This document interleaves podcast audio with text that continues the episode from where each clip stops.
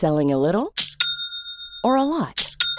Shopify helps you do your thing however you cha-ching. Shopify is the global commerce platform that helps you sell at every stage of your business. From the launch your online shop stage to the first real life store stage, all the way to the did we just hit a million orders stage. Shopify is there to help you grow. Shopify helps you turn browsers into buyers with the internet's best converting checkout.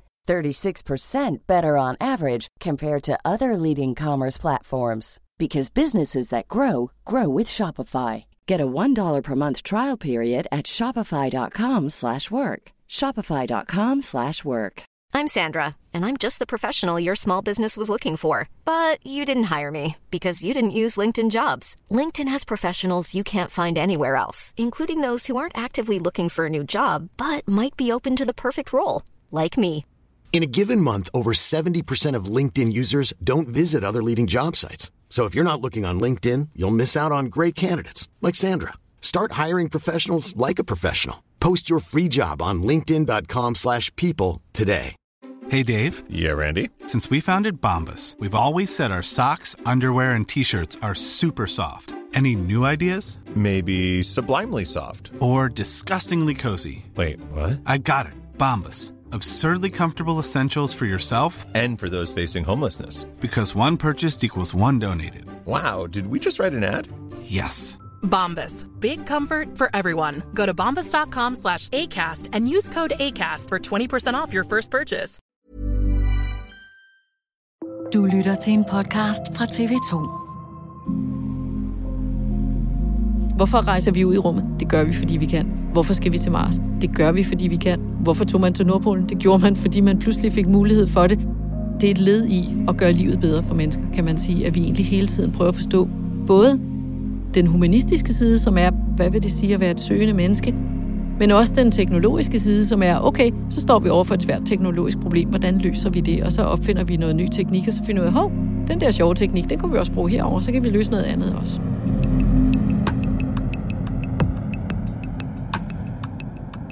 Den danske astronaut Andreas Mogensen skriver historie i dag. Som den første ikke-amerikaner er han pilot på en NASA-ledet mission.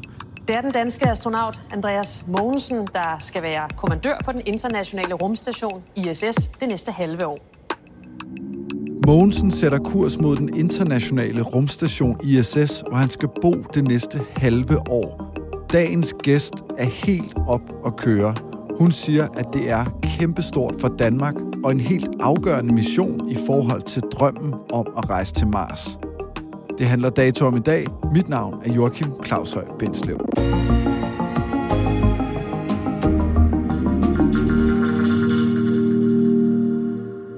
Anja, hvis du fik mulighed for at tage med Andreas afsted i dag, vil du så gøre det?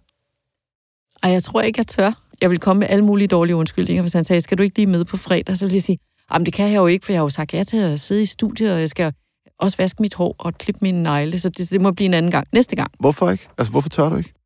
Det er jo fordi, at, øh, at oddsene er dårlige. Altså fordi der skal gå så lidt galt. Så derfor er det faktisk farligt. Så derfor skal man huske, at man skal beundre de der astronauter, fordi de ved godt, det er farligt.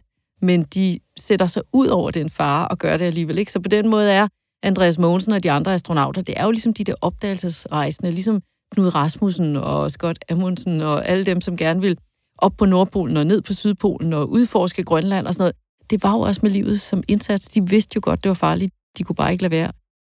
Anja C. Andersen er professor i astrofysik på Niels Bohr Instituttet i København, men i øjeblikket er hun på Princeton University i New Jersey i USA. Hvor godt kender du Andreas Mogensen? Sådan rimelig godt som kollega. Og så har jeg lavet flere forskellige ting med Andreas, så vi har været ude og holde nogle foredrag sammen for almindelige mennesker og skolebørn. Og jeg kan i virkeligheden godt lide at lave noget sammen med Andreas, fordi han er så beskedent et menneske. Han praler jo ikke. Og min rolle, tænker jeg, det er, så kan jeg faktisk stå ved siden af Andreas, og så kan jeg pege på ham, og så kan jeg sige til folk, ham der, han er faktisk virkelig sej, og han er virkelig, virkelig dygtig. Og så bliver Andreas lidt flov, men nogen skal jo sige det, og fordi Andreas er det fantastiske menneske, han er, så vil han jo aldrig sige det selv. Har du aldrig nogensinde set ham være irriteret på nogen? Nej, nej, det har jeg ikke. Og jeg vil sige, en af de gange, hvor jeg virkelig det gik op for mig, hvor jeg sådan tænkte, fordi jeg synes også selv, at jeg er sådan ret likable og rimelig sådan tålmodig og et meget sådan smilende menneske og, og sådan noget. Men vi var ude og optræde for nogle øh, skoleelever, og der har vel været sådan 200 skoleelever. Og så stillede de jo altid Andreas nogle spørgsmål, og den 120. gang, der kom en eller anden skoleelev og sagde, Nå, men hvordan er det så at være i rummet? Og jeg ligesom tænkt, okay, det er de tre foregående også spurgt ham om. Kunne du ikke have hørt efter, og så måske stille et andet spørgsmål, ikke? Helt ærligt. Altså, nu må I spørge om noget andet, ikke? Nu har han jo ligesom svaret på det. Og Andreas, han smiler bare, og så svarer han igen, og så svarer han igen. Han siger jo ikke, det har du lige spurgt mig om. Han lyder som sådan en Buddha. Sådan en, der ligesom bare er i nirvana. Men han er jo, han er jo mere end det, ikke? Fordi at, at øh, altså det, som jo er unikt, det er jo, at det er jo en skill, kan man sige, det der med, at man kan hvile i sig selv og være helt rolig, og det, og det er der jo mange mennesker, der kan. Men samtidig skal han jo også have det andet talent, som er, at han jo simpelthen kan gå fra 0 til 1000 på ingen tid, for det skal man kunne som astronaut, og stadigvæk holde hovedet koldt og, og pulsen nede, ikke? Det er der jo ikke så mange mennesker, der kan. Altså, der, der er masser, der kan køre i det hurtige spor. Der er masser, der kan være i det der hvilespor, ikke? Men Andreas, han kan simpelthen instantant skifte fra det ene til det andet. Det er hans helt enestående, unikke talent, tror jeg. Det vagte stor begejstring her i landet, da Andreas Mogensen i 2015 rejste til den internationale rumstation som den første danske astronaut nogensinde. Columbus er mit hjem og min arbejdsplads gennem de næste 10 dage, som jeg skal tilbringe her ombord på rumstationen. Dengang blev han sendt op med en russisk raket fra Kazakhstan, Missionen var at gennemføre en masse videnskabelige undersøgelser, blandt andet optagelser af kæmpe lyn langt op i atmosfæren, og analyser af, hvordan kroppen påvirkes af den vægtløse tilstand i rummet. Altså, så den tidligere mission, det var jo 10 dage. Nu skal han jo afsted i 6 måneder, og der er en vis sandsynlighed for, at det ender med at blive 8 måneder, ikke? Så det er jo en meget, meget længere mission. Og på 10 dage, så behøver man ikke tænke særlig meget på, om man sover på den rigtige måde, om man spiser på den rigtige måde, om man holder sig i form. Fordi så er det jo ligesom op og ned. Og man, vi, kan, vi har jo alle sammen prøvet, vi kan godt arbejde virkelig, virkelig meget i 10 dage, og så kan man jo sove, når man kommer tilbage. Men når man skal være der i et halvt år eller længere, så skal man have en hverdag. Og så skal det fungere, og han skal holde kroppen ved lige. Det er jo en lang proces. Helt specifikt gik jeg i gang med at træne til den her mission for halvandet års tid siden meget af den tid, han er der, da han skal lave nogle forskningsprojekter, men han kommer faktisk også til at bruge meget tid på at holde sig selv ved lige.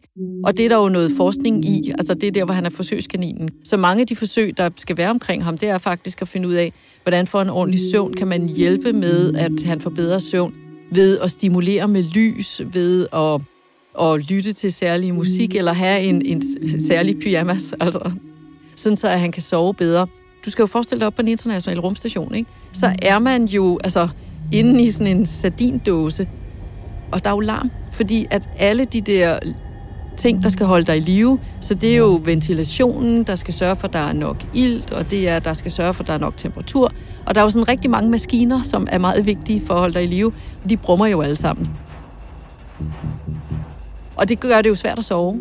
Og så flyver de jo også rundt om jorden hver halvanden time er der en solopgang og en, og en solnedgang. Ikke? Så der er ikke sådan en naturlig døgnrytme. Hvis man skal fungere et halvt år eller længere, så skal man ligesom have en døgnrytme. Altså, så skal det ligesom blive morgen og aften. Og der bliver nogle af de der forskningsforsøg, som Andreas skal lave, det bliver faktisk centreret omkring det. Hvordan kan han få bedre søvn? Hvordan kan han få bedre næring? Og hvordan kan han lave optimal motion? Fordi der er jo ikke nogen af os, der synes, det er skide sjovt at motionere. Altså, det er okay en gang imellem. Så i virkeligheden er det jo noget med, altså hvor lidt kan man slippe afsted med, og så stadigvæk holde kroppen sund og kunne alt det, man gerne vil. Ikke? Og det er jo et forskningsresultat, du og jeg også gerne vil have, fordi i virkeligheden så er vi jo meget dogne, så vi vil helst bare ligge på sofaen det meste af tiden. Ikke, ikke nok med, at han skal være afsted meget, meget, meget længere tid, så har han også en anden rolle, end han havde. Ja, altså han bliver jo kommandør på rumstationen, ikke? og rumstationen er jo ligesom et skib, kan man sige, hvor der er en besætning, og så er det ham, der er kaptajn. Han har ansvaret for, at der ikke går noget galt. Så det er, jo, det er jo et stort ansvar at have. Og det har han jo fået af to grunde. Dels fordi, at øh, hvad skal man sige, hele organisationen omkring tænker, at han er den mand af rette støbning, der ligesom kan gøre det. Men også fordi, at han har den personlighed, han har, som gør, at de andre astronauter er villige til at følge ham. Det er langt fra alle astronauter, der får lov til at rejse til den internationale rumstation mere end én gang. Han har jo været afsted før, Andreas Mogensen. Hvorfor er han blevet valgt igen? Altså, hvad er det, der gør, at de siger ham der? han får lov. Altså, Andreas Mogensen viste jo på sin tidligere mission, at han virkelig var noget helt særligt. At han var sådan en helt særlig støbning. Fordi der skulle han være afsted i 10 dage, og det var en mission, der var planlagt sådan, at det skulle tage dem 6 timer at flyve op til rumstationen. Altså, rumstationen ligger i 400 km højde. Så den er jo ikke meget længere væk end fra København til Skagen. Men fordi der var noget rumskrot, altså der var to satellitter, der var stødt sammen, så der kom pludselig sådan en sky af flyvende møtrikker, der fløj med 30.000 km i timen. Det er sådan små projektiler. Og det er farligt. Så blev man nødt til at hæve øh, rumstationen, sådan så man måtte løfte den, så den ligesom ikke var i skudzonen. Og på det tidspunkt, der sad Andreas med kosmonauterne. De sad allerede og var klar til at blive affyret. Og så hælder man altså ikke ekstra brændstof på, for, så man pludselig kan flyve længere. Men gudskelov er ruten derop, sådan så at man kan godt nå frem, det tager bare længere tid. Altså, så skal man lidt flere gange rundt om jorden og lave sådan en spiral i stedet for at, for at komme derop. Så derfor, i stedet for at det tog 6 timer, så tog det to dage for dem at nå frem. Så de nåede jo så frem, og der skal man altså lige tænke på, den der sonde, altså det er jo sådan en lille Morris Mascot-agtig bil, ikke? Og Andreas, han er jo faktisk høj, han er faktisk lidt for høj til at være astronaut. Han er jo en øh, midt i 80'erne eller sådan noget. Og den der de fløj op med. Jeg mener, den var 1,72 på den længste led, fordi jeg mener, at jeg tænkte, okay, hvis jeg var på den længste skråled, så kunne jeg lige akkurat strække mig ud. Men Andreas kunne ikke strække sig ud. Så i to dage, så sidder han fuldstændig sammenkrumpet og kan ikke strække sin krop, øh, fordi større er det der. Og troede, han skulle sidde der i seks timer, og så ender han med at sidde der i to døgn, og så når han frem. Og så er han jo bagud i sit program, fordi han mangler jo faktisk to dage til at lave alle de forsøg, fordi der var legnet 10 dages arbejde op til ham. Så går han ligesom bare, han smøger ærmerne op, så går han i arbejdsmode, og så viser han, at han på 8 dage nåede det, der var planlagt til 10 dage, og han kunne arbejde sikkert og præcist og fuldstændig fokuseret. Ikke? Og man kan faktisk også se det, hvis man finder de YouTube-klip, hvor man kan se lige der, hvor lugen bliver åbnet, og de kommer ind på rumstationen. Ikke? Så hvis man kigger på Andreas' ansigt, så kan man nærmest se den smerte, når jeg ligesom strækker kroppen ud for første gang. Ikke? Altså, og ligesom, oh, okay, endelig. Altså, så han har været øm i ryggen, da han nåede frem. Og alligevel fik han lavet det hele. Ikke? Så derfor så er der jo høje forventninger om, at han har fysikken, men han har også altså, evnen til bare at, du ved, when the going gets tough, the tough get going. Ikke? Og, og sådan en er han. Når Andreas Mogensen i dag stryger ud i rummet igen, sker det denne gang fra Cape Canaveral i Florida i USA – Sammen med tre andre astronauter sætter han sig i en enorm Falcon-raket fra Tesla-ejer Elon Musks firma SpaceX.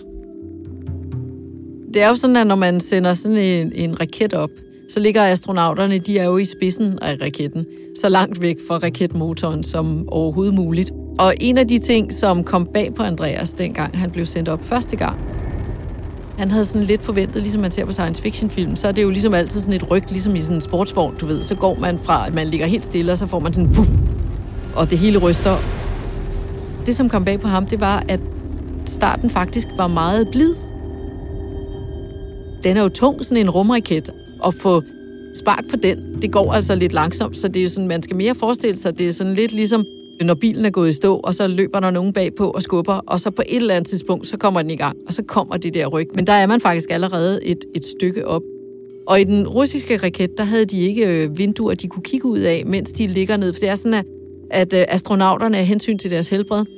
Så sidder de ikke ret op og ned, ligesom man gør i en flyvemaskine de ligger ned ligesom i sådan en, en æggeskal. Og grund til, at man gør det, det er simpelthen fordi, at når den så kommer op i acceleration, raketten, så bliver trykket, hvor man bliver presset tilbage i sædet, det bliver så ekstremt. Så den eneste måde, at kroppen kan holde til det på, det er faktisk, at man ligger ned, så trykket kommer over hele kroppen. Altså hvis man sidder ned, så hele trykket kommer i bækkenet, og alle ens indre organer, de ender nede i bækkenet det kan kroppen faktisk øh, ikke tåle, og ryggraden kan heller ikke tåle at blive presset på den måde. Mens at hvis man ligger ned, så, så øh, er der meget bedre overlevelseschancer. Og med den mission, som Andreas skal på nu med amerikanerne, der har man sørget for at sætte vinduet, sådan, så de rent faktisk kan kigge ud, så de faktisk kan se der, når de flyver op gennem skyerne. Så på den måde, sådan rent æstetisk, bliver det også en smukkere tur, Andreas skal på nu, fordi han rent faktisk kan se med egne øjne, hvad der, hvad der sker øh, udenfor dem, der kommer til at, at se det, hvad er det, de oplever, når Andreas og de andre drøner afsted? Andreas har jo faktisk sin familie med til Florida, Cape Canaveral, hvor han skal sendes op fra.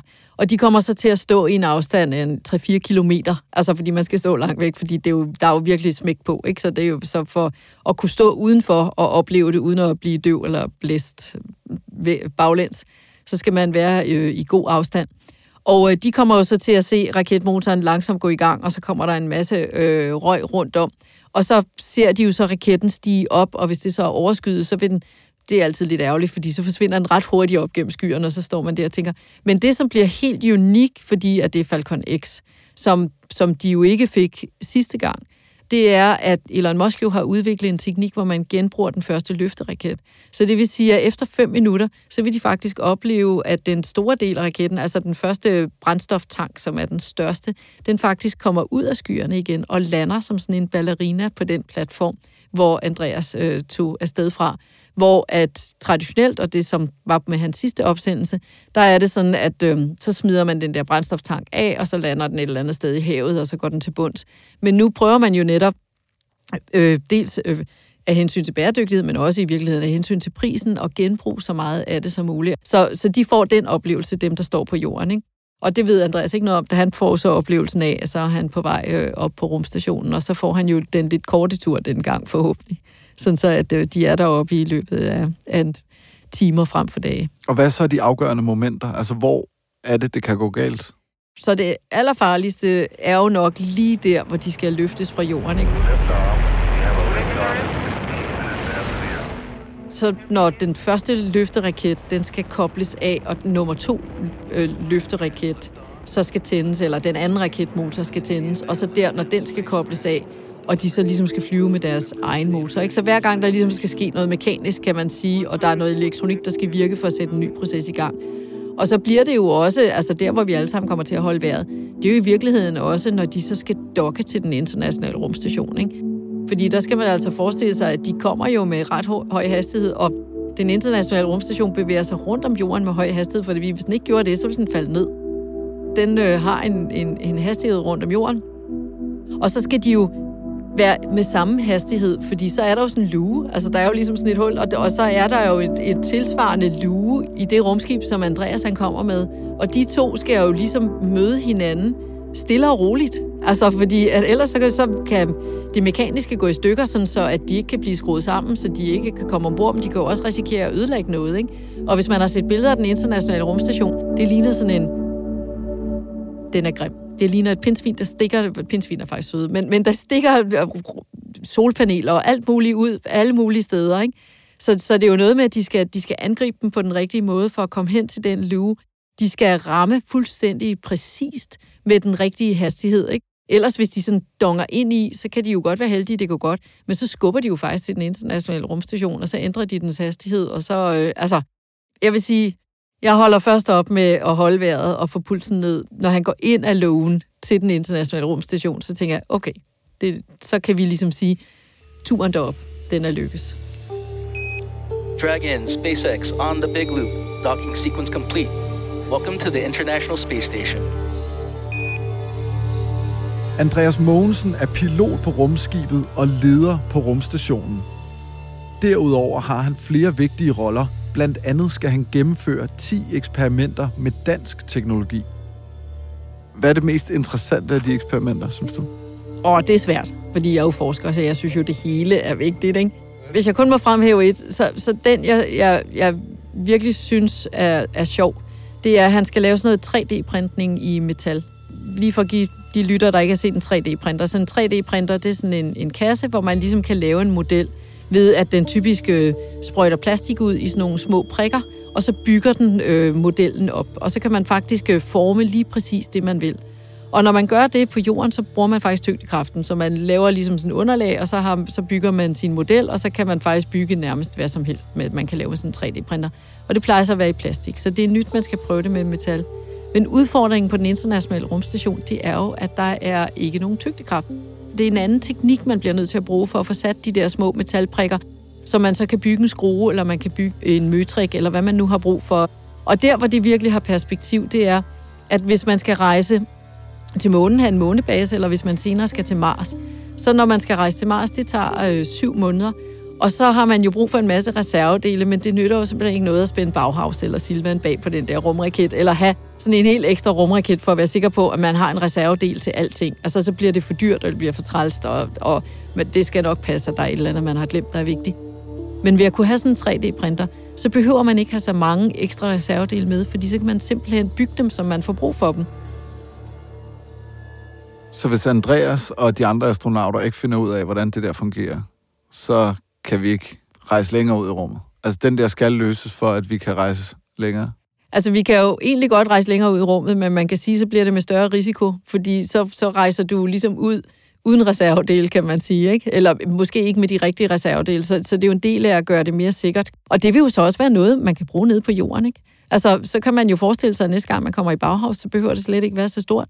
Fordi så kommer man bare hen, og så, så kigger man i virkeligheden på sådan en skærm, og så siger man, at jeg skal bruge fire af de her møtrikker, og så bliver de 3D-printet i, frem for man går der række op og række ned, og kigger på 800 kasser af møtrikker, og, og tænker, åh oh, nej, hvordan var det nu? Var det 14 mm, eller var det 6 mm, jeg havde brug for? Du ved, ikke?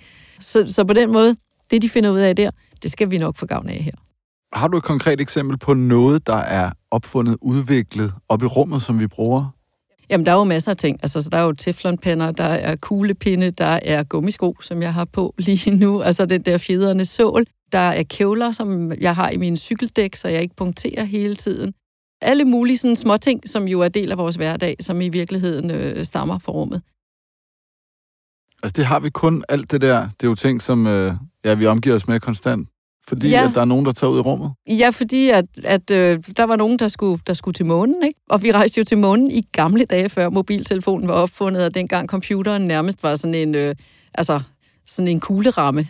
Altså, den kunne jo vidderlig ingenting, så det vil sige, når astronauterne skulle, så skulle de aflæse tallene, og så skrev de dem ned på et stykke papir, ikke? og så skulle man ligesom have noget, som virkede. Øh, mens de fløj i 0G og sådan noget. Så udviklede man kuglepind, og så fandt man ud af, at den, den var faktisk super smart. Den klattede ikke, og den kunne alt muligt andet. Ikke? Så kan man jo sige, kunne man ikke udvikle det alligevel? Og, og det kan da godt være, at man havde fået ideen alligevel.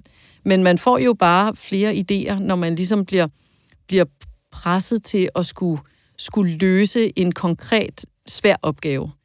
Altså, når jeg ser det her for mig, drømmen om mennesket på Mars, hvis det bliver Andreas en dag, altså udover det virkelig nøjeren, synes jeg, så er det jo også ekstremt fascinerende. Men hvad har det sådan helt konkret betydning for os, der bare tusser rundt hernede på jordoverfladen? Jamen, det har jo den samme betydning, kan man sige, som da Knud Rasmussen, han øh, tog til Grønland, og vi opdagede Nord- og Sydpolen, for der kunne man jo også have den der holdning, hvor man tænkte, altså, hvorfor skulle de op og sætte et flag på Nordpolen? Altså, hvad skulle vi der? Altså, man kan ikke dyrke kartofler op på Nordpolen. Hvorfor var det vigtigt? Men, men grunden til, at det er vigtigt, det er jo del af, af vores forståelse, ikke? Og man kan sige, i virkeligheden er det jo den der søgen efter at forstå os selv. Hvorfor rejser vi ud i rummet? Det gør vi, fordi vi kan. Hvorfor skal vi til Mars? Det gør vi, fordi vi kan. Hvorfor tog man til Nordpolen? Det gjorde man, fordi man pludselig fik mulighed for det. Og man kunne sige, hvis vi ikke havde det drive i os som mennesker, så sad vi måske stadigvæk i træerne og spiste bananer, fordi man kunne også sige, hvad skulle vi ned på sletten og gå på to ben blandt alle de farlige løver og tiger for? Hvorfor ikke bare sidde deroppe i træerne og være tilfreds nok med sine bananer?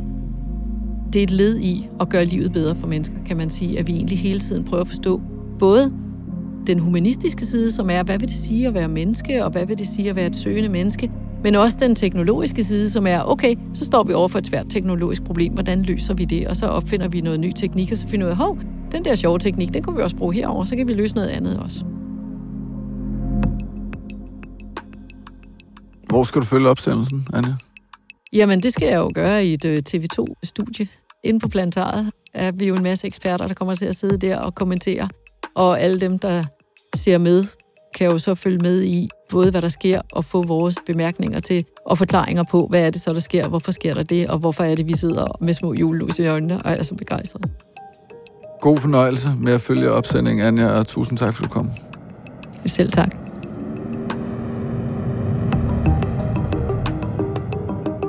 Efter udgivelsen af dagens podcast har NASA udskudt opsendelsen i 24 timer.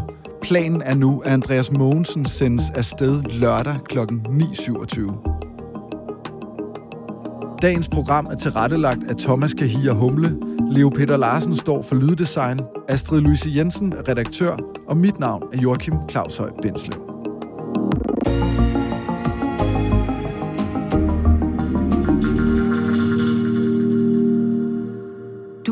Til en podcast fra TV2.